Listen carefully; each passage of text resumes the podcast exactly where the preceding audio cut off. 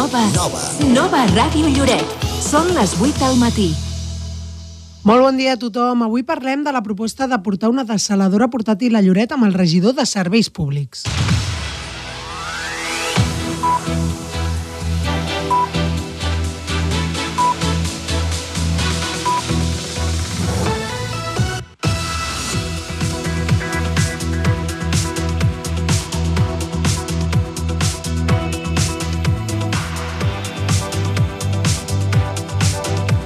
L'Ajuntament treballa de la mà dels hotelers de Lloret per poder portar una desaladora portàtil al municipi que permeti omplir les piscines dels hotels amb aigua de mar i també les piscines de particulars, tal com ha publicat l'Ajuntament a través del seu perfil d'Instagram.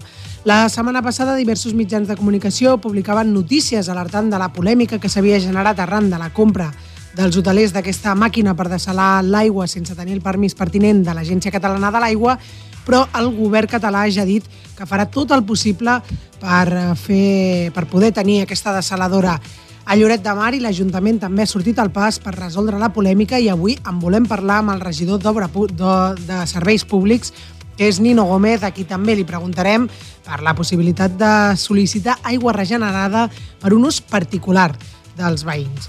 Obrim així el Bon Dia Bona Hora d'avui, dilluns 19 de febrer. Molt bon dia a tothom, benvinguts al Bon Dia Bona Hora i saludem també l'Eduard Lanzas, que ens presenta la resta de contingut. Bon dia, Edu. Hola, bon dia, Maria. Hola, bon dia, Maria. Bon dia a tothom. Entrevistarem a la diputada lloretenca Maria Antònia Batlle per parlar d'una proposta de resolució que han presentat al Parlament des de Junts per reclamar certes millores per Lloret en l'àmbit educatiu.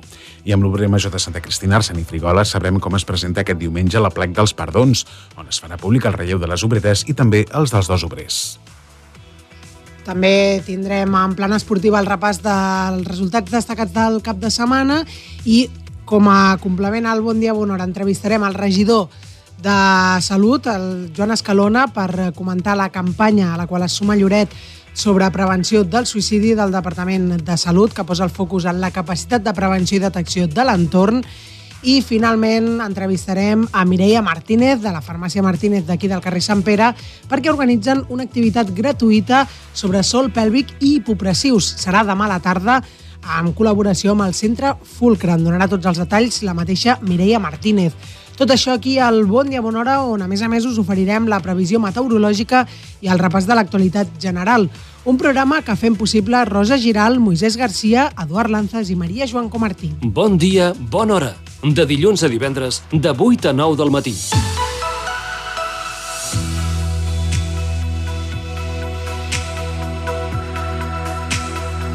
Vuit i 3, saludem en Xavi Segura, que ens ofereix amb tot detall la informació meteorològica per saber com es presenta aquesta setmana que tot just comencem. Xavi, molt bon dia. Bon dia. El temps es mantindrà molt tranquil, amb força sol i temperatures de nou atípicament primaverals a l'inici d'aquesta setmana. Tan sols eh, dilluns a primeres hores hem tingut més intervals de núvols a causa del pas d'un front desgastat, molt descafeinat, que no ha deixat ni deixarà precipitacions. Per tant, ens espera de nou una jornada i, de fet, gran part de la setmana amb calma, amb un sol combinat amb alguns núvols i aquests termòmetres ben alts, màximes que es tornaran a moure entre els 17 i 18 graus, per tant, per sobre de les que tocaria aquesta època de l'any. Totes les esperances estan posades a partir, sobretot de divendres, quan un canvi de temps una mica més important obriria les portes al vent del nord, que provocarà doncs, un descens important dels termòmetres, que, insistim, no ve cap fredurada, però sí que tindrem un ambient més normal per l'època. I segurament també arribaran alguns ruixats, alguns xàfecs, tot i que no s'esperen pluges generals fora del Pirineu, on la nevada serà més destacada. Uns termòmetres normalitzats, amb risc d'alguns ruixats, i també fortes ventades. Atenció perquè el vent del nord serà important, sobretot de cara al cap de setmana. Tot i així, de cara a la següent setmana o als propers dies, seguim sense veure precipitacions importants que puguin posar una mica de fil a l'agulla a la sequera. Moltes gràcies, Xavi. Doncs prenem nota de tot plegat i si ens fixem ara en el termòmetre aquí als estudis de la ràdio, el carrer Sant Pere, ens marca que tenim una temperatura de 7 graus i la humitat la tenim al 85%.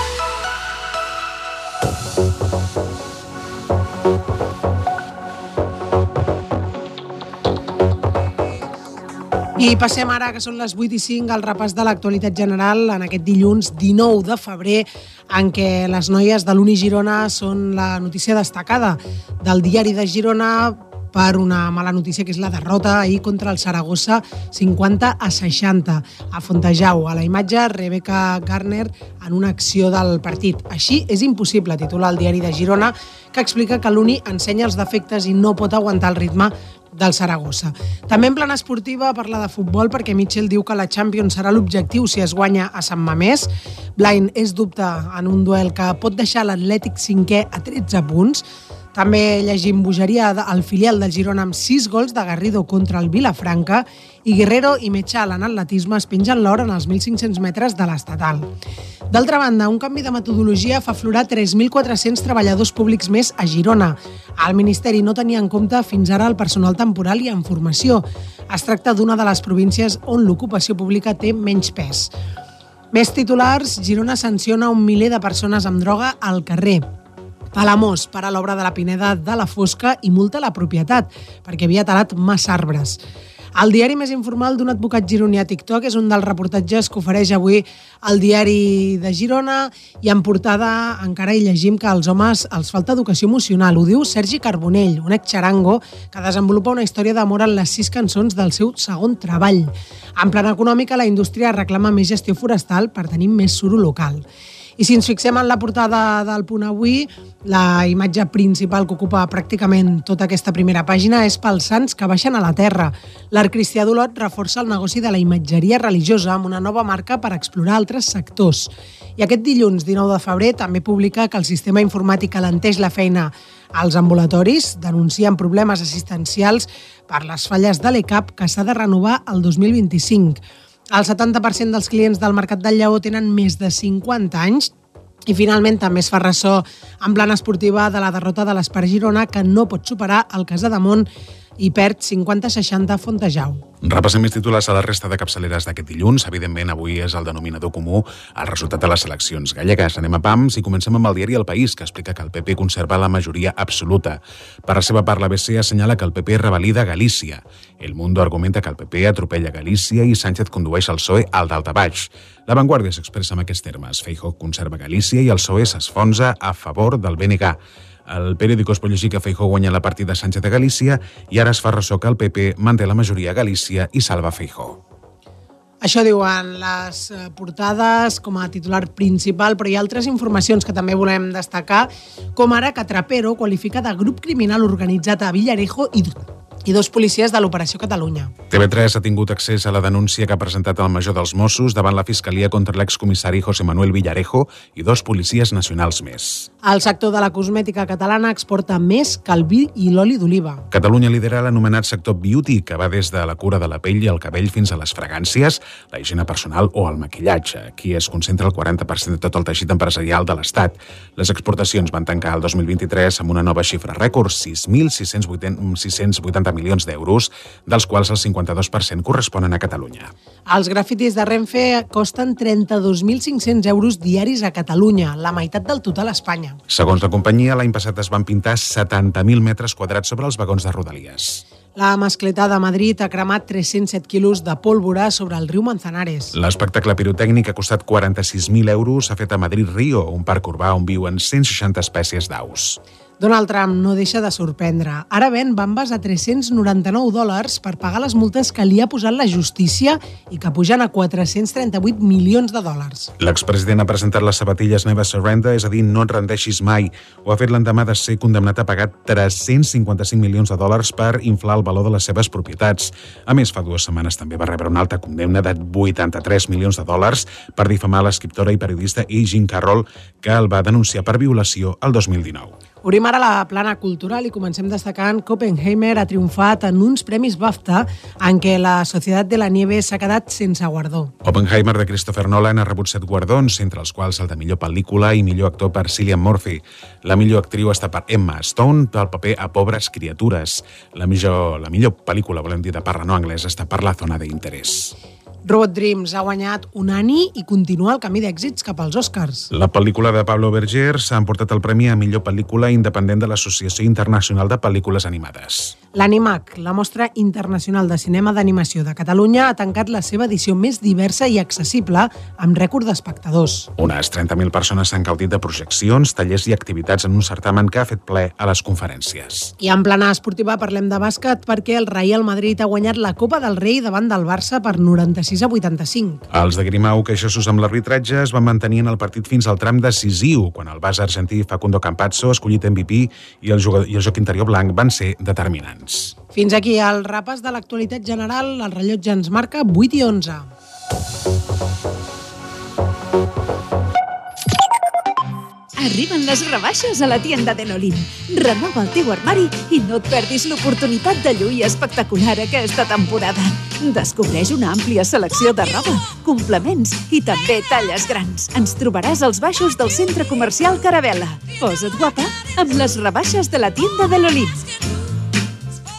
Cartelleria digital de Víctor So, el canal publicitari del segle XXI per captar l'atenció dels teus clients. Pantalles informatives, tòtems i pantalles LED pel teu negoci. Gestiona els continguts de manera remota amb qualsevol dispositiu mòbil, Android o iPhone, perquè a Víctor So sabem que la comunicació amb el teu client és el més important. Víctor So. Ens trobaràs a l'Avinguda Vila de Tossa 5052 de Lloret de Mar, telèfon 972 36 41 14. Centre Mèdic Loreto. Obtenció i renovació de permisos de conduir, llicències d'armes, seguretat privada, animals perillosos, obtenció de targeta de residència, tot tipus d'esports i la tramitació gratuïta del permís de conduir. Tenim el servei de medicina general, pediatria, psicologia i fisioteràpia. Treballem amb les principals mútues. Centre Mèdic Loreto. Carrer Verge de Loreto 53, al costat de la Policia Nacional. Telèfon 972 36 96 12. A les empreses com a la vida cal posar nom al que fa a 600, perquè darrere de Fitel hi ha 20 anys en el sector de les telecomunicacions, amb més de 10 anys dedicat a ser l'operador internet a Lloret de Mar. I ara seguim avançant perquè més pobles de la comarca tinguin el mateix servei que tu. Perquè darrere de Fitel hi ha persones que fan de la seva feina la seva passió. I tu? Ja ets de Fitel? Fibra òptica i telefonia mòbil a Lloret de Mar. Sempre a prop teu. Et sents esgotat física i mentalment? Atrapat en la rutina diària? Vine a Muscle Beach, el teu nou gimnàs. Entrena amb cotxes titulats en espais increïbles i totalment equipats amb més de 700 metres quadrats just a l'entrada de Mar Romeu. Descobreix la nova zona d'entrenament funcional. Apunta't ara i et regalem tot el que queda de febrer i la matrícula gratuïta. No t'ho pots perdre. Vine a Muscle Beach, el teu gimnàs a Lloret de Mar. L'Ajuntament de Lloret de Mar informa. S'ha convocat un procés selectiu d'urgència per proveir mitjançant comissió de serveis una plaça de tècnic tècnica superior per ocupar el lloc de treball d'enginyer-enginyera superior adscrit a serveis públics. Les instàncies per prendre part en la convocatòria es poden presentar fins al dimecres 21 de febrer de forma electrònica a la seu electrònica de l'Ajuntament, catàleg de tràmits, recursos humans, processos selectius de personal. Les bases amb les condicions que regeixen la convocatòria es poden consultar a la seu electrònica de l'Ajuntament. Els dilluns de 9 a 10 del matí disposem de tota l'equipació. Estics, pilotes, raquetes, banyador, bambes, guants, bicicletes, targetes, també, de tots els colors. Grogues, vermelles, blaves... Els dilluns de 9 a 10 del matí parlem de tots els esports que es practiquen al municipi a Nova Ràdio Lloret. Escolta Lloret Esportiu amb Moisés Garcia. No t'ho pots perdre!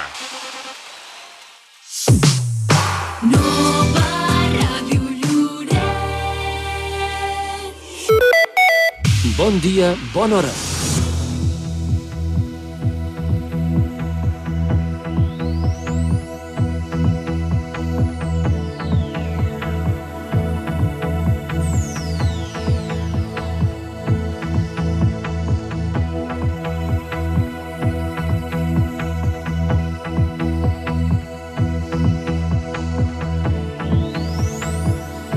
Gairebé quart de nou del matí ens hi tornem a posar després d'aquesta pausa. Avui és dilluns 19 de febrer i això és el Bon Dia Bona Hora de la ràdio de Lloret. Comencem en plana política per explicar que Junts ha fet un pas des del, des del Parlament de Catalunya per millorar l'àmbit educatiu a Lloret de Mar. Concretament, la diputada lloretenca Maria Antònia Batlle ha presentat una sèrie d'esmenes a una resolució que va presentar el PSC ara fa un any en què demanaven la creació d'un institut escola al municipi. Junts considera que la demanda dels socialistes és necessària però insuficient. En aquest sentit també volen, per exemple, que s'ofereixin nous cicles formatius i línies de batxillerat a l'Institut Sant Quirze i que es garanteixin dues línies d'I3 i una línia conjunta d'I4 i 5 a la nova escola que, recordem, es dirà Joan Domènech. Parlem amb Maria Antònia Batlle. Molt bon dia. Hola, bon dia. Primer, uh, com funcionen exactament les propostes de resolució i com és que ara, un any després que els socialistes uh, la presentessin, s'han fet aquestes esmenes i com, com va tot plegat? Mira, us explico. El, el Parlament, a part doncs, d'impulsar les iniciatives legislatives, que una d'elles doncs, és el pressupost, que és el que té més, més ressò, diguéssim.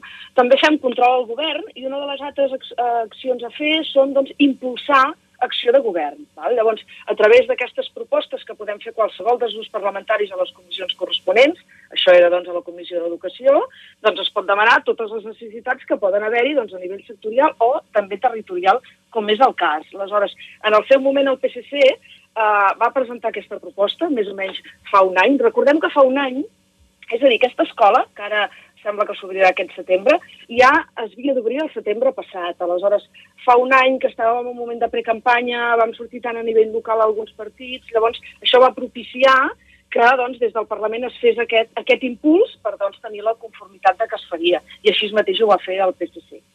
Nosaltres, a la proposta, com veu indicat, ells demanaven doncs, que es faci un nou institut escola i que també doncs, se'ls dotés doncs, de més cicles formatius, també eh, línies de batxillerat, però vam considerar que era bo fer esmenes doncs, per anar una mica més enllà amb la proposta. Uh, tal com bé digues, doncs això es va, es va presentar fa un any, però bueno, a vegades també, tot i que aquesta comissió és una comissió que es porta a terme cada 15 dies, doncs a tot uh, el, el, tot el país, a tot Catalunya, doncs hi ha moltes propostes, moltes escoles i moltes necessitats, i això fa doncs, que s'hagin rederit tant en el temps i que hàgim arribat doncs, a votar-ho un any després. Uh -huh. I que aquestes esmenes eh, que volen anar una mica més enllà, què és el que demanen exactament? bueno, bàsicament el que, vam, el que vam considerar, això nosaltres vam fer les esmenes i després, doncs, eh, evidentment és el PSC que ens els havia d'acceptar o no i llavors doncs, fer una mena de transacció per modificar una mica el text i adaptar-ho a la realitat. Aquestes esmenes nosaltres el que demanàvem és eh, que l'actual escola, doncs, eh, Joan Domènech, aquest setembre, que ja es havia compromès al departament, que seria amb dues línies de I3, que se'n pogués fer una de conjunta amb I4 i I5, doncs, per donar aquesta possibilitat doncs, d'anar a nosaltres escoles o que això generaria, si no hi fos aquesta línia, que potser hagués, ja hi tinguéssim més bonys cara l'any que ve, doncs esponjar una mica la situació i que en aquesta escola ja hi podem tenir aquesta altra segona línia. Per altra banda, nosaltres, per exemple, també demanàvem doncs, que l'Institut Sant Quirze actual hi puguem tenir més cicles formatius i també doncs, més línies de batxillerat. Eh, cal dir que per exemple, amb el que estem de cicles formatius, comparativament parlant amb, amb Olot o, o amb Blanes, nosaltres en tenim 11 i ells n'arriben a tenir fins a 42, per tant entenem que això és una necessitat molt important aquí a Lloret. I finalment també una altra qüestió molt demanada per la Interampa, que jo ja m'hi havia reunit, és doncs, que es faci un estudi realment de la situació educativa que tenim en el municipi amb una planificació a llarg temps per veure quines són les necessitats per poder anar pal·liant i en mica en mica doncs, anar millorant la situació.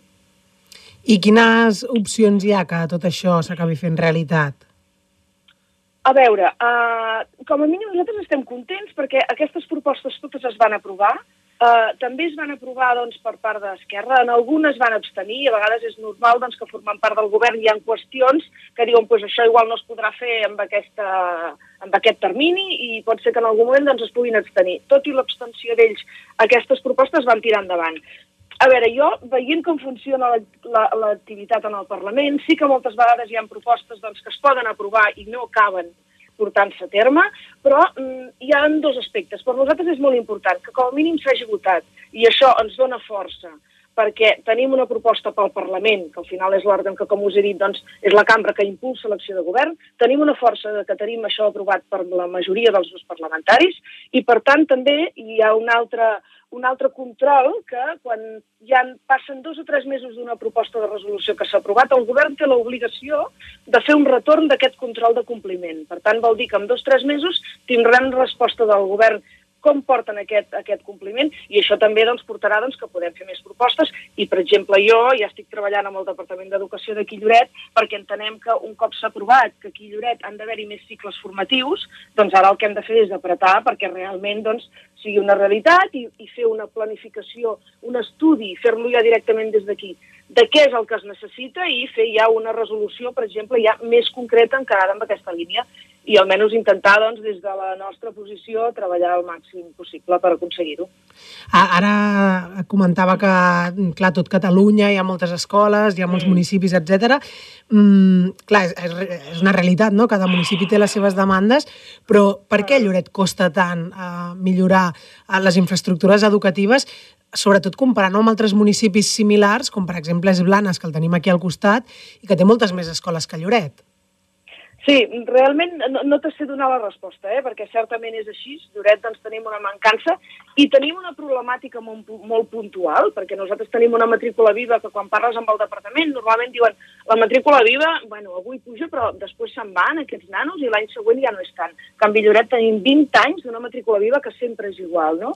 Llavors, eh, sincerament no us ho sé dir, però realment és una prioritat i s'hauria de posar per part del govern a, a, a davant. Vull dir, Lloret, fa molts anys que tenim molts problemes i, i també doncs, hem de tenir l'oportunitat, ara que doncs, Lloret té dos diputats al Parlament, intentar apretar al màxim doncs, per aconseguir, que ja dic, realment, com has dit, a tot el país hi ha, hi ha situacions complexes i, evidentment, cada municipi doncs, apreta perquè s'aconsegueixi.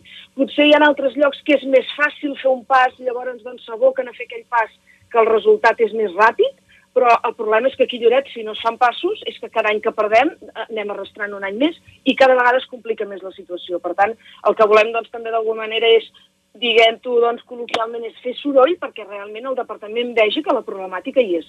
I que no vull dir que el soroll l'estiguem fent ara, eh? que evidentment fa temps que s'està fent, però no podem parar de fer-lo. Doncs n'estarem ben pendents i agraïm molt aquestes explicacions d'aquest pas que s'ha fet al Parlament de Catalunya. Maria Antònia Batlle, diputada de Junts, moltíssimes gràcies per atendre'ns i bon dia. Moltes gràcies a vosaltres, bon dia. L'Ajuntament de Lloret de Mar informa. L'horari autoritzat per portar les bosses de rebuig als contenidors de via pública és entre les 9 del vespre i les 12 de la nit. En cap cas abans, com tampoc després, d'haver passat el servei de recollida. Els residus han de ser dipositats en bosses de plàstic resistents i estanques per evitar-ne el trencament, així com fuites de líquids. Les bosses no poden quedar bocades fora dels contenidors i un cop dins cal abaixar-ne les tapes perquè quedin ben tancats per prevenir males olors i excés de fauna salvatge. Us recordem que el servei gratuït de recollida de trastos i voluminosos es pot sol·licitar trucant al 972 36 89 22.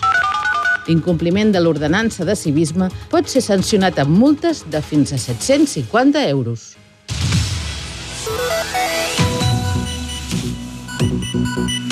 Bon dia, bona hora. De dilluns a divendres, de 8 a 9 del matí. 8 i 23, anem ara amb una altra qüestió que és, de fet, la, el nostre tema del dia, que és que l'Ajuntament treballa de la mà dels hotelers de Lloret per poder portar una desaladora portàtil al municipi que permeti omplir tant les piscines dels hotels com les dels particulars amb aigua de mar. La setmana passada diversos mitjans de comunicació van publicar notícies alertant de la polèmica que s'havia generat arran de la compra dels hotelers de Lloret d'una màquina per desalar l'aigua, sense tenir el permís pertinent de l'Agència Catalana de l'Aigua i sense el govern eh, i sense que el govern, volem dir, en tingués coneixement. En primer lloc, els hotelers han desmentint que la desaladora ja estigui comprada i, en segon lloc, l'Ajuntament de Lloret ha sortit al pas per de resoldre la polèmica. Saludem al regidor de Serveis Públics, Nino Gómez, bon dia. Hola, Maria, bon dia. Uh, primer de tot, com estan ara mateix les gestions? Perquè va saltar la polèmica a diversos mitjans conforme els hotelers havien tirat pel dret, però realment el govern, també va, el govern català, va sortir a dir que farien tots els possibles perquè fos realitat aquesta desaladora portàtil i, de fet, des de l'Ajuntament s'està treballant colze a colze amb el gremi, no? Com està tot plegat ara mateix? Bé, ara el que estem fent ja des de, des de fa dies uh, s'està finalitzant el, el projecte per la, per la ubicació a on ha d'anar aquesta desalinitzadora i, i presentar-ho als estaments pertinents eh, per tal de tenir els, els permisos que ens calen per, per tirar-la endavant. De fet, eh, no, no ha canviat res, vull dir, eh, la, la polem aquesta polèmica, perquè ens agrada molt, no? això de, de polèmica, però no, no, no hi ha cap de polèmica. Uh, és un projecte que amb unes reunions que es van mantenir uh, amb l'ACA uh, vam començar a fer aquestes reunions uh, sectorials. Uh, la reunió sectorial que es va fer amb el Gremi d'Hotels van posar aquesta proposta sobre la taula, uh, va ser ben acollida i a partir d'aquí uh, l'Ajuntament i, i serveis tècnics es van posar a treballar perquè fos una realitat. Ens vam posar en contacte, des de l'Ajuntament es van posar en contacte amb l'empresa que va muntar la desalinitzadora a Port de la Selva, eh, vam fer-los venir a casa, vam mirar diferents ubicacions a on es podria fer, eh, tenim un pou eh, que està pendent de, de legalització eh, a Lloret de Mar i que era òptim per poder-lo fer servir per extreure aigua de mar i que les instal·lacions ja estaven relativament, relativament uh, fetes i, i el cost uh, de la infraestructura seria inferior a, fer a fer una, una obra faraònica nova i vam decidir, i vam decidir doncs, que, que seria aquesta la, la millor ubicació. Aquesta reunió també estava, també estava present al gremi i, i es va tirar endavant. El que entenc que per la, per la polèmica, i ja et dic que no, no és que sigui polèmica, crec que estaven crec que unes declaracions que es van fer amb una roda de premsa doncs, es van treure de, del context en el que estaven fetes i, i el que va donar pas és que és una desalinitzadora que ja està comprada, que l'ha comprat hotels i que, i que ens la donen al municipi de Lloret de Mar, més lluny de, de la realitat, vull dir, és un, és un projecte que va sortir eh, conjuntament de, entre el gremi i, i l'àrea pertinent, que estem treballant conjuntament amb el projecte, que si arriba, arribarà amb les condicions eh, que, es van, que es van marcar, que era una desalinitzadora de 50 metres cúbics, per donar servei a l'emplenat de piscines durant aquesta temporada. El fet de que sigui més gran de la que realment tocaria, perquè aquest accés d'aigua eh, desalinitzat en un futur i amb els permisos pertinents la poguéssim fer servir, com dèiem, per, per emplenar els dipòsits existents en el municipi, a l'inici del municipi, per abastir per abastir la, rest, la resta de dipòsits i no quedar-nos sense aigua, doncs és un projecte que vam tenir en compte a l'hora de demanar-la. Per això vam demanar en un principi una desalinitzadora de, de 20 metres cúbics i finalment el que es va demanar va ser una de 50 en previsió del que, del que pogués passar en un futur. La idea, però, seria comprar-la i deixar-la ja aquí a, a Lloret de manera fixa? Sí, sí, la idea seria aquesta. La idea, primer ens vam fer la... vam posar sobre la taula a valorar si era més econòmic que el lloguer o més econòmic que la compra. Eh, en l'espai-temps de tota una temporada, una maquinària tan i tan gran, eh, el lloguer era disparat i, i, i en canvi amb la compra era relativament amortitzable amb, amb un espai de temps curt. Per tant, es va decidir per la compra. La ubicació, sí que és cert que la ubicació eh, que es vol mantenir per aquest estiu eh, eh, és una mica així fet eh, fet ràpid, però és que és la, la, la millor alternativa a, a curt plaç i si tot això doncs, va a més, sí que és veritat que la, la ubicació s'haurà de modificar, posar-la en un altre puesto, a fer una altra, una altra infraestructura de, de canalitzacions per arribar i per extreure la, la salmorra sobrant, però és en un futur. Ja dic que de moment eh, sí que quedarà ubicada provisionalment en un espai de, de costa i, i de moment es farà servir des d'aquí. A Canyelles. No, no, no, a Canyelles és el que et comentava, dintre de les primeres ubicacions que es van... Ah, que es perdó, van perdó. Plantar. No, no, tranquil. Dintre de les... És que, és que, espera, és que hi ha hagut tantes notícies sobre el mateix que és normal que estiguem tots una miqueta perduts. No, la primera opció sí que va ser el port de Canyelles perquè vam pensar que seria més fàcil extreure l'aigua de mar directament des, de, des, de, des del port.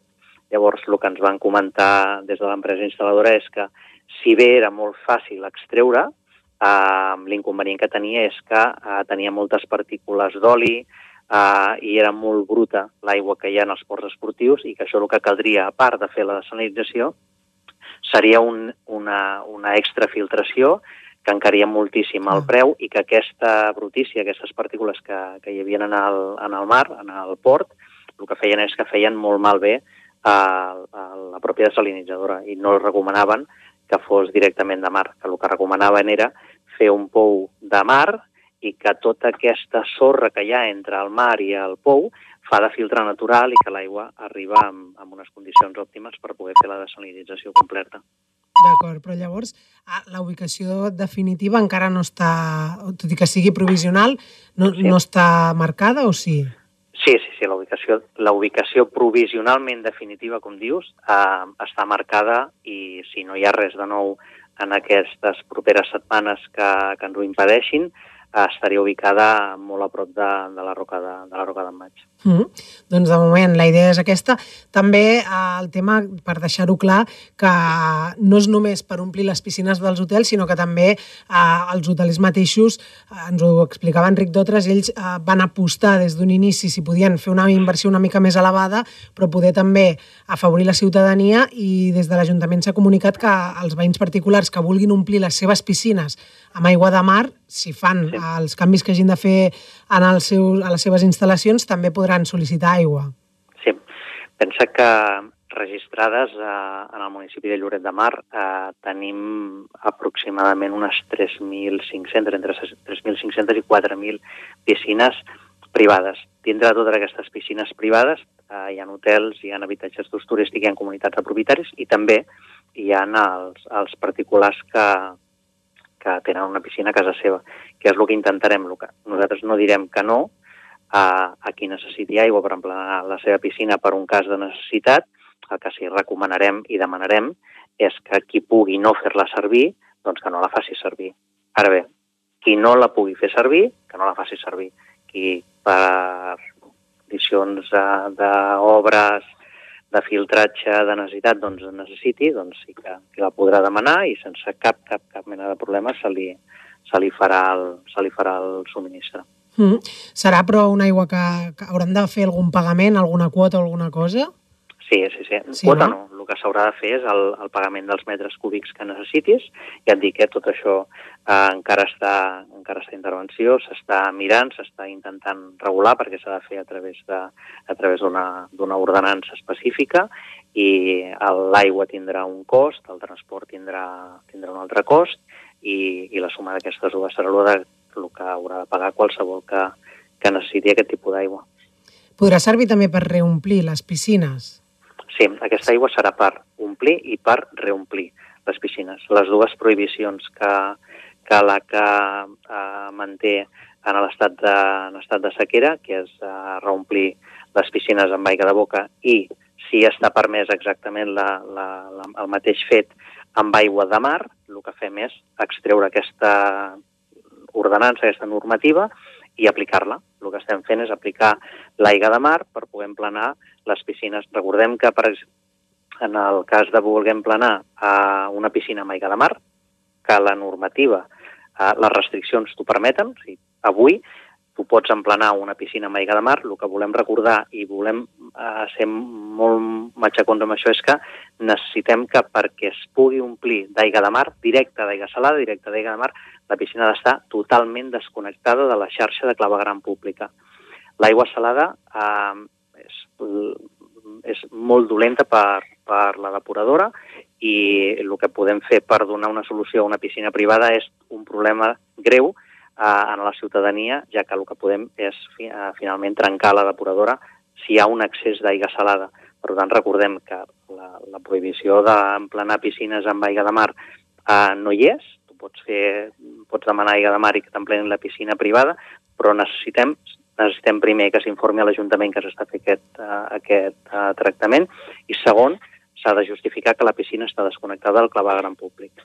Doncs queda clar qui estigui interessat que contacti amb l'Ajuntament i, regidor, una altra cosa que volíem comentar és que també, de fet, l'altre dia ho vam comentar per sobre en una entrevista, però mm, volíem explicar-ho perquè eh, sabem que hi ha gent que no n'estava al cas i que han demanat doncs, detalls de com funciona això, és que l'Ajuntament ofereix la possibilitat de fer ús d'aigua regenerada als veïns del municipi també per ús particular. Sí, t'explico. Abans de, de l'entrada en fase 1 d'emergència, de, eh, això era una, era una realitat. Qualsevol, qualsevol veí podia agafar aigua regenerada única i exclusivament per al rec d'arbrat eh, de supervivència, només per, per arbrat. No es poden regar ni, ni, ni gespes, ni flors, ni plantes, només per arbrat. En fase 1, aquesta restricció no quedava clara si l'aigua regenerada que el municipi podia donar es podia fer servir per això. Nosaltres entenem, nosaltres entenem que sí i és amb la línia amb la que estem treballant.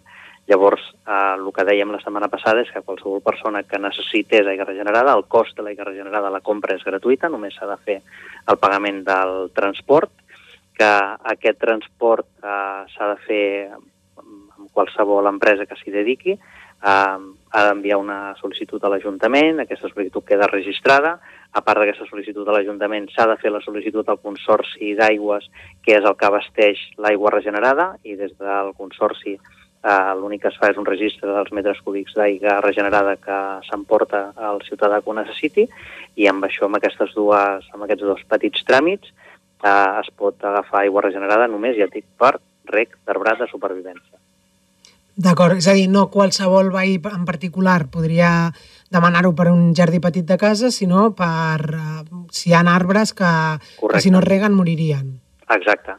El que no podem és agafar aigua regenerada, o el que no ens permet a la Generalitat amb les restriccions de, de l'àmbit de sequera és que puguis agafar aigua regenerada doncs, per regar un jardí o perquè tinguis un tram, un espai petit d'un jardí privat eh, petitó i vulguis regar-lo. No, l'aigua regenerada no està per això. L'aigua regenerada d'avui està per regar eh, aquell arbre que per supervivència del propi arbrat eh, necessiti aigua. Mm. I els horts urbans entrarien dins d'aquest... No. Possib... no. No, no, no es no. poden regar, eh, els horts urbans, no ara mateix? Regar, no. Els horts urbans no es poden regar, no, no es poden fer... No es poden fer bueno, no es poden regar, t'anava a dir no es pot fer ús, però no, no, al contrari, pots fer ús, però el que no pots fer és, és, és regar. No, no, els horts urbans tampoc es poden regar.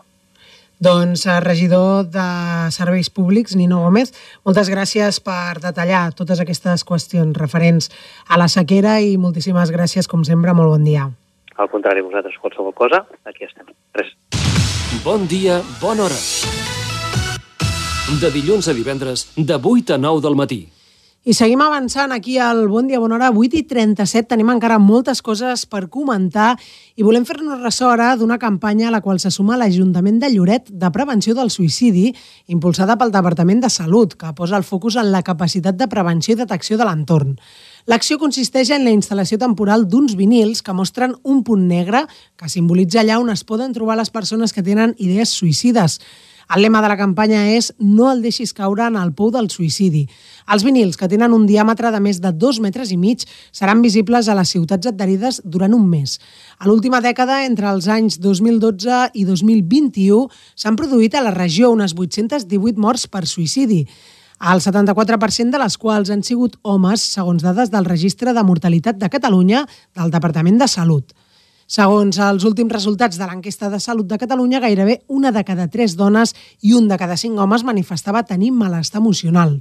El Codi Risc Suïcidi es va implantar a la regió sanitària de Girona el 2015 i defineix el circuit i el procediment d'actuació seguir davant la detecció d'un cas amb risc de suïcidi alt amb l'objectiu de reduir la mortalitat per aquesta causa i evitar el risc de noves conductes suïcides. Parlem d'aquesta campanya amb el regidor de Salut, a qui tenim al telèfon. Joan Escalona, bon dia. Hola, bon, bon, bon, bon dia. Com són els vinils que veurem a Lloret? Sí, són, són un vinil d'uns dos, tres metres, més o menys, d'un fons ne negre, en el, en el qual bueno, el, el que es vol mostrar no, és un punt negre que simbolitza allò on les, les persones mm, troben la idea suïcida, no? I, i va amb, un, amb una frase que diu, si coneixes algú a punt de caure al pou de suïcidi, escolta'l demana ajuda al 061. bueno, una mica l'objectiu d'aquesta campanya és eh, fer visible no, a, a tot el, el que és el, el suïcidi no, i com poder ajudar a aquestes persones. Quants vinils hi ha aquí, Lloret? No, només tenim un, un vinil. Un vinil, és un vinil per població. Sí. Mm. És un població, està instal·lat a la plaça Pere Torrent, més o menys a l'alçada de l'entrada de la biblioteca. I és complicada, no?, la situació actual referent als suïcidis? Sí, correcte. A, a, a Catalunya aquest, 2000, aquest 2023 respecte al 22 ha pujat un 16% i uh, lo, que, per, per, lo que fa la regió sanitària de Girona uh, res, del 23 a respecte al 22 ha pujat un 23% els casos de, d'activació del codi de risc de suïcidi. Pensem que amb aquestes dades pues, bueno, hem de fer no, quelcom més de, de visualització, no, de prevenció, sobretot prevenció, de, de, bueno, perquè la gent sàpiga què fer no, i com, com actuar. Si detectem que algú té conductes suïcides, què, què hem de fer? Sí, um, les persones al, al moment que detecten que en el seu entorn no, o la mateixa persona pues, té un no, comportament que pensa que pot ser suïcida, uh, el que ha de fer és trucar al 61. 61, a partir d'aquí s'activarà el, com ben heu dit a l'entrada, el codi de risc suïcida, no? que això el que és, se defineix tot un circuit, no? uh, en el qual uh, bueno, es valora el cas i segons el cas pues, bueno, es fiquen mecanismes que, que pertoquin per, per ajudar aquella persona no? o aquelles persones que li fa falta. Doncs aquesta campanya que compta amb aquest vinil que estarà ubicat a la plaça Pere Torrent durant el proper mes i Joan Escalona com a regidor de Salut, gràcies per atendre la trucada i molt bon dia. Moltes gràcies a vosaltres. Bon dia, bona hora. Ara mateix falten 4 minuts i seran 3 quarts de 9. Donem pas a Donem pas a la crònica del temps que ens ofereix en Xavi Segura. Molt bon dia, Xavi. Bon dia. El temps es mantindrà molt tranquil, amb força sol i temperatures de nou atípicament primaverals en l'inici d'aquesta setmana. Tan sols eh, dilluns a primeres hores hem tingut més intervals de núvols a causa del pas d'un front desgastat, molt descafeinat, que no ha deixat ni deixarà precipitacions.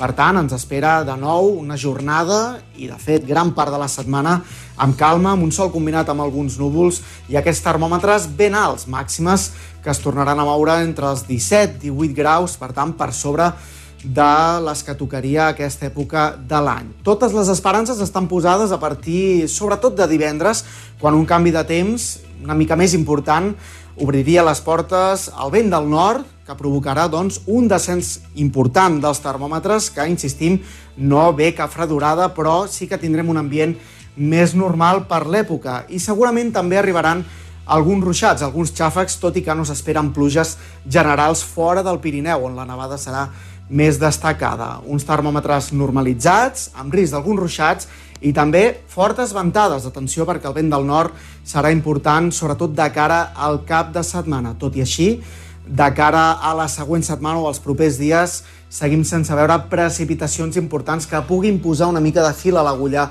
a la sequera. Uh, moltes gràcies, Xavi, per tots aquests detalls. Ara mateix el termòmetre marca 11 graus i la humitat al 87%.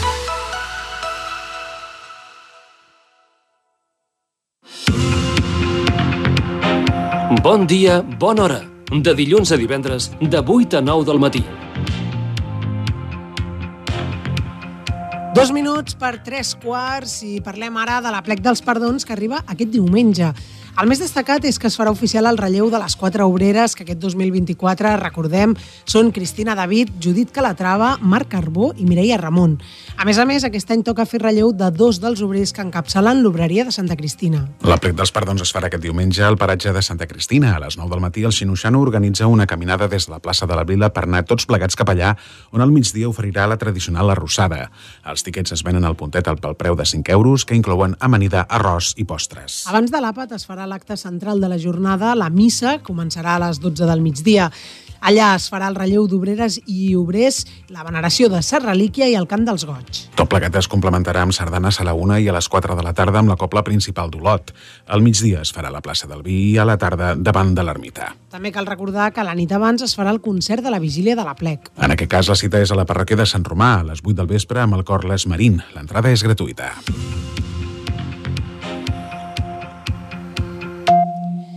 Tenim aquí als estudis de la ràdio a l'obrer major de Santa Cristina, Arseni Frigola, bon dia. Molt bon dia. Com es presenta la plec dels perdons d'aquest any? Bé, es presenta un any més amb, amb moltes ganes de, de fer festa allà a Santa Cristina, és un paratge que en aquesta ocasió cada any el dia dels perdons atrau un bon número de, de lloretencs i visitants que, que ens acompanyen. Esperem que el bon temps ens acompanyi i que bueno, puguem gaudir d'una festa dels perdons en plenitud. A banda del relleu de les quatre obreres, aquest any també tocaria relleu de dos dels obrers, o com... Sí, eh, ahir vam tenir assemblea de, de socis, van haver-hi les, les eleccions per el relleu de les dos cares, l'obrer tesorer i l'obrer, en aquest cas, obrera secretària. Eh, es presentaven en Josep Ribas pel càrrec d'obrer tesorer i la Cristina Pinto pel càrrec d'obrer secretària. Eh, les eleccions requereixen que en, el, que en el cas que hi hagi un sol candidat s'assoleixi el llindar de dos terços dels socis presents a l'Assemblea. Això va ser així en el cas de l'obrer tesorer, en el cas de l'obrera secretària no va assolir aquests dos terços, per tant haurem d'esperar una nova assemblea, que farem aviat, per eh, escollir el càrrec d'obrera secretària, en aquest cas. Per tant, el, el dia dels perdons eh, hi haurà el relleu de l'obrera tesorer i l'obrera secretària resten en aquests moments en funcions. D'acord, fins que hi hagi Fins la que nova assemblea, nova i, assemblea. i es vegi què passa no? amb, amb aquest càrrec. Uh, en tot cas, uh, és una, podríem dir que és una de les festes principals per l'obreria, no? la plec dels perdons. Sí, juntament amb la Dia de Santa Cristina, són les festes que celebrem en el paratge i, per tant, eh, nosaltres posem tot el nostre esforç en que la, la festa sigui reixida, que surti el màxim de bé possible. Eh, agraïm la col·laboració del Xino Xano en aquest aspecte que, com comentàveu, fa aquesta anada a peu a Santa Cristina, eh, ens fa un arròs magnífic cada any per tots els assistents i, per tant, des de l'obreria agraïm aquesta col·laboració. I animar tothom una mica a, a venir, no? passar el dia, al matí, allà... Sí, penso que és un entorn agradable, eh, espai n'hi ha més que, que de sobres, i per tant eh, és una vallada molt maca i que tots els lliuretencs eh, esteu convidats a, a participar-hi. Eh, com dèieu també, el dia abans, a la vigília, hi ha a l'església parroquial, a les 8 del vespre, el, el concert de Can Coral, que en aquest cas ve el Cor dels Marín de Banyoles. Ah, és un concert que ja fa uns anys que, que es du a terme a la vigília Sí, sí, de la sí, plec sí, sí. I, i que agrada, no? Sí, sí, sí. A més a més, l'entrada és gratuïta, per tant, també convidem a tots els tiratencs que ens vulguin acompanyar a sentir el Cor de les Marín el, el dissabte al vespre a les 8 eh, a la parròquia. I Arseni, per què es diu la plec dels perdons?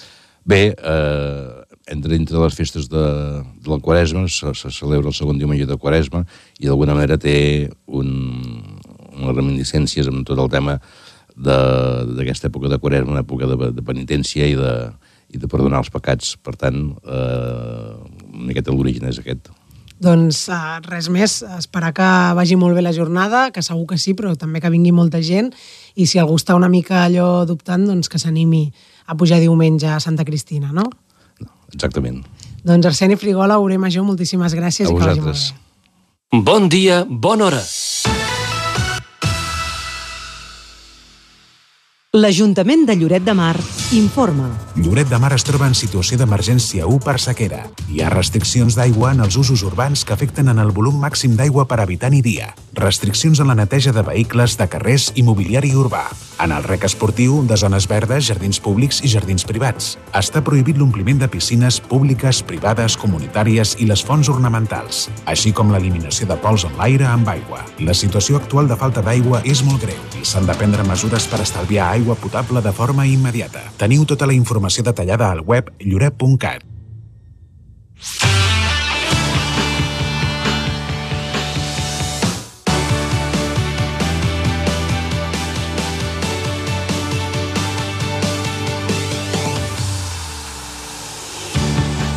11 minuts per les 9. Obrim ara plana esportiva per fer un repàs dels resultats que Moisés Garcia a partir de les 9 ens ampliarà el Lloret Esportiu. I comencem destacant que José Luis Peláez i Alberto Chamorro han estat els guanyadors de l'onzena edició del Rally de Lloret, la cita esportiva més destacada d'aquest cap de setmana.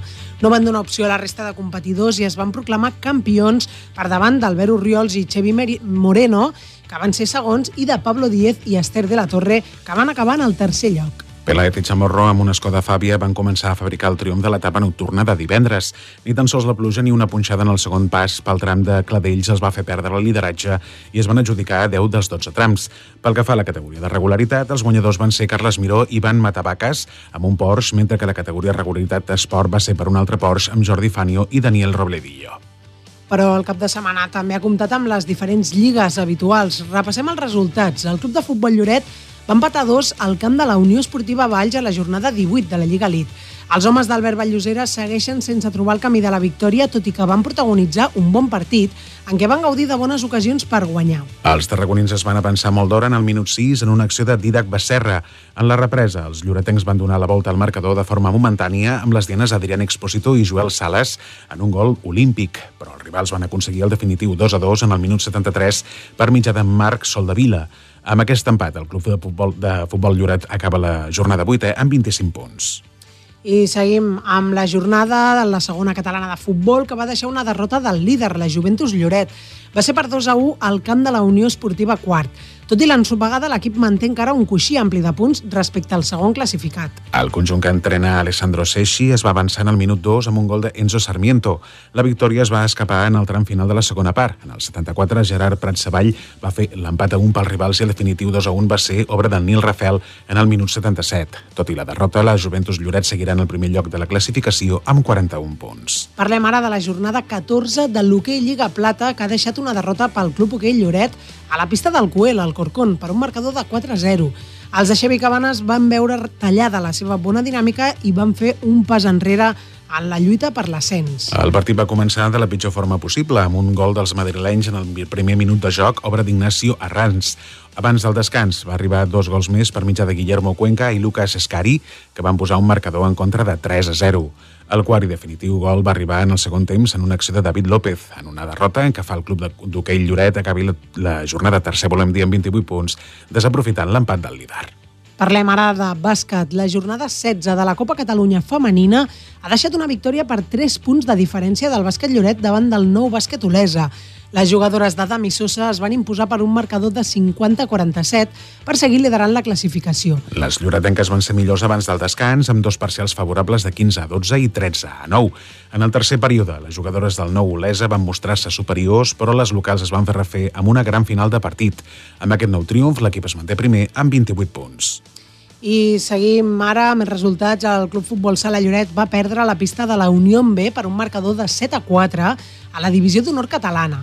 És una nova derrota dels jugadors de Robert Fernández que segueixen la lluita per la salvació. El conjunt lloretenc va aconseguir arribar al descans amb un triomf momentani de 2 a 3 gràcies als gols de Fuad Benjelali i Ronald Mantilla i Alejandro Passamar. En la represa, però, els rivals van ser més efectius i van resoldre el partit. Per part del Club Futbol Sala Lloret, el quart gol el va fer de nou Alejandro Passamar. És una derrota que deixa l'equip en el 13è lloc de la classificació amb 7 punts. I acabem parlant del Club Volei Lloret, que s'ha estrenat a la fase d'ascens amb una derrota davant del Reus. Ha estat per un marcador d'una 3. Les lloretenques van començar perdent el primer set per un marcador de 22 a 25. En el segon període, les reusenques també van adjudicar-se la victòria per 24 a 26 en un set molt disputat. El tercer joc va caure del costat local amb un 25 a 18. Les rivals van certificar el triomf amb un parcial de 18 a 25 que va posar el definitiu 1 a 3 en el marcador. La derrota deixa el club vòlei Lloret en el, qual, en el quart lloc de la classificació amb 6 punts.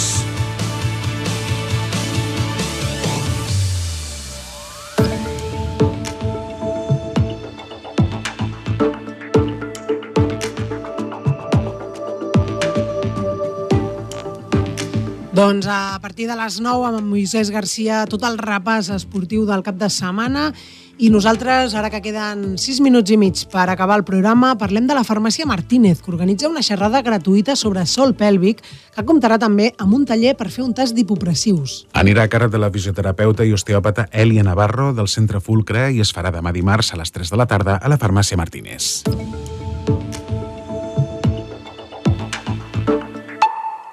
Al telèfon hi tenim la farmacèutica Mireia Martínez. Molt bon dia. Hola, què tal? Què s'hi explicarà en aquesta xerrada, Mireia?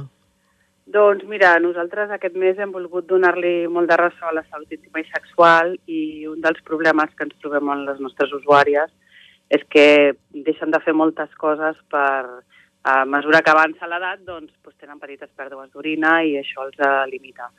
I ens hem donat compte de que tot aquest tema és com molt tabú encara i no es coneix gaire, i a través de pues, el contacte que tenim amb l'Èlia, que treballem juntes eh, i, i col·laborem molt, molt activament, doncs és un, un bon punt per donar a conèixer aquest tipus d'exercicis que estan adaptats a qualsevol edat i a qualsevol causística i que ajuden moltíssim en el tema de, de la pèrdua d'orina i el despenjament del son pèlvic, que és inevitable perquè és una, una causa d'envelliment, no?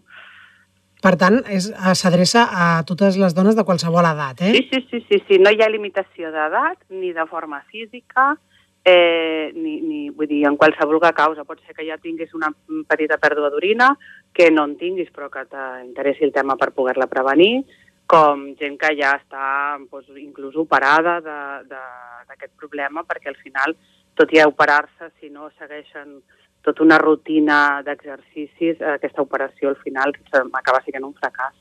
I deies que és un tema encara molt tabú i és que no només afecta a les persones de molt avançada edat, no? Sinó no, que... no, no, que va. Des de deportistes que corren, a mames que acaben de tenir un bebè, a qualsevol persona li pot passar. Vull dir, eh, sí que eh, conforme van avançant en l'edat, el tema de, de, de, de la pèrdua de, de de força en la musculatura i tal és, és més comú, però li pot passar en una noia de 18 anys que faci running, per exemple. És molt típic. Mm, doncs això és bo saber-ho. I dèiem que hi haurà també un petit tast d'hipopressius. Uh, les persones que vinguin, per tant, hauran de dur alguna cosa de material? Hauran de dur no, l'avantatge d'això, el que volem veure, o sigui, el que volem donar a veure és que un hipopressiu el pots fer tu sentat al sofà o la pots fer tu de peu, cuinant a la cuina. Vull dir, no és un exercici que et penses, quan diuen hipopressiu, a vegades la gent diu, ui, però això què és, tipus crossfit? Dius, no, no, això és respirar i, i perquè us feu una idea, és respirar i, i tirar la panxa dintre. Vull dir, és que és molt fàcil.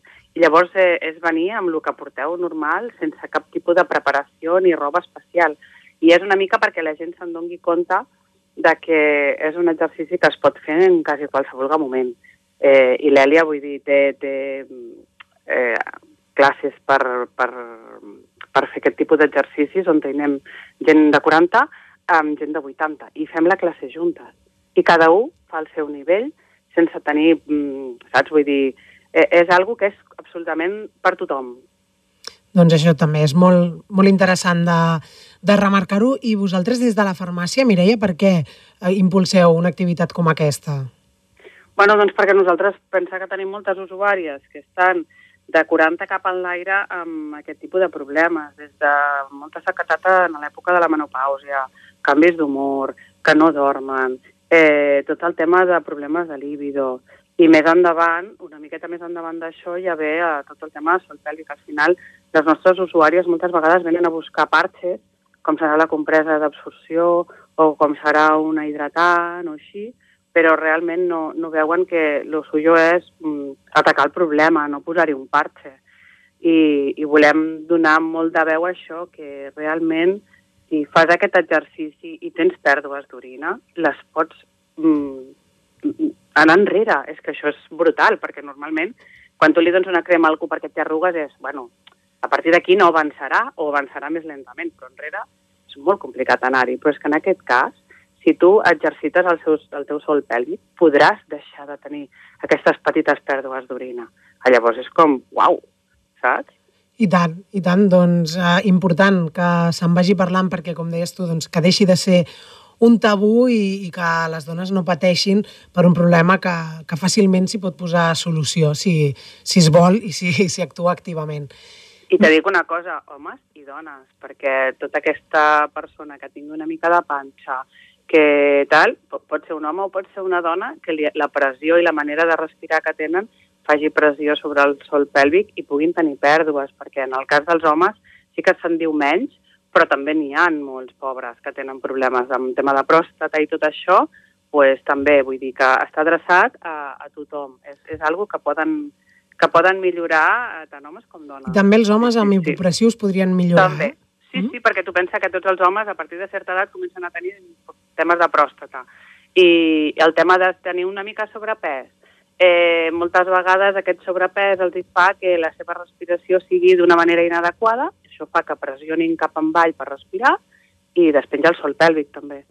Sí, sí, l'avantatge d'aquest exercici és que és algo que pot anar adreçat a tothom. Doncs queda dit, demà a les 3 de la tarda a la farmàcia Martínez, tothom que hi estigui interessat. I moltíssimes gràcies, molt interessant tot el que has comentat, Mireia, i esperem que, que vagi molt bé. Gràcies per compartir-ho. Moltíssimes gràcies per l'oportunitat. Fins ara. Fins aquí el Bon Dia, Bona Hora. Queden ara res, 20 segons i seran les 9 del matí i ja sabeu que avui és dilluns i per tant no marxeu perquè toca Lloret Esportiu amb en Moisès Garcia on repassarà els resultats del cap de setmana i se centrarà especialment en el Rally de Lloret que ha celebrat una nova edició durant el cap de setmana.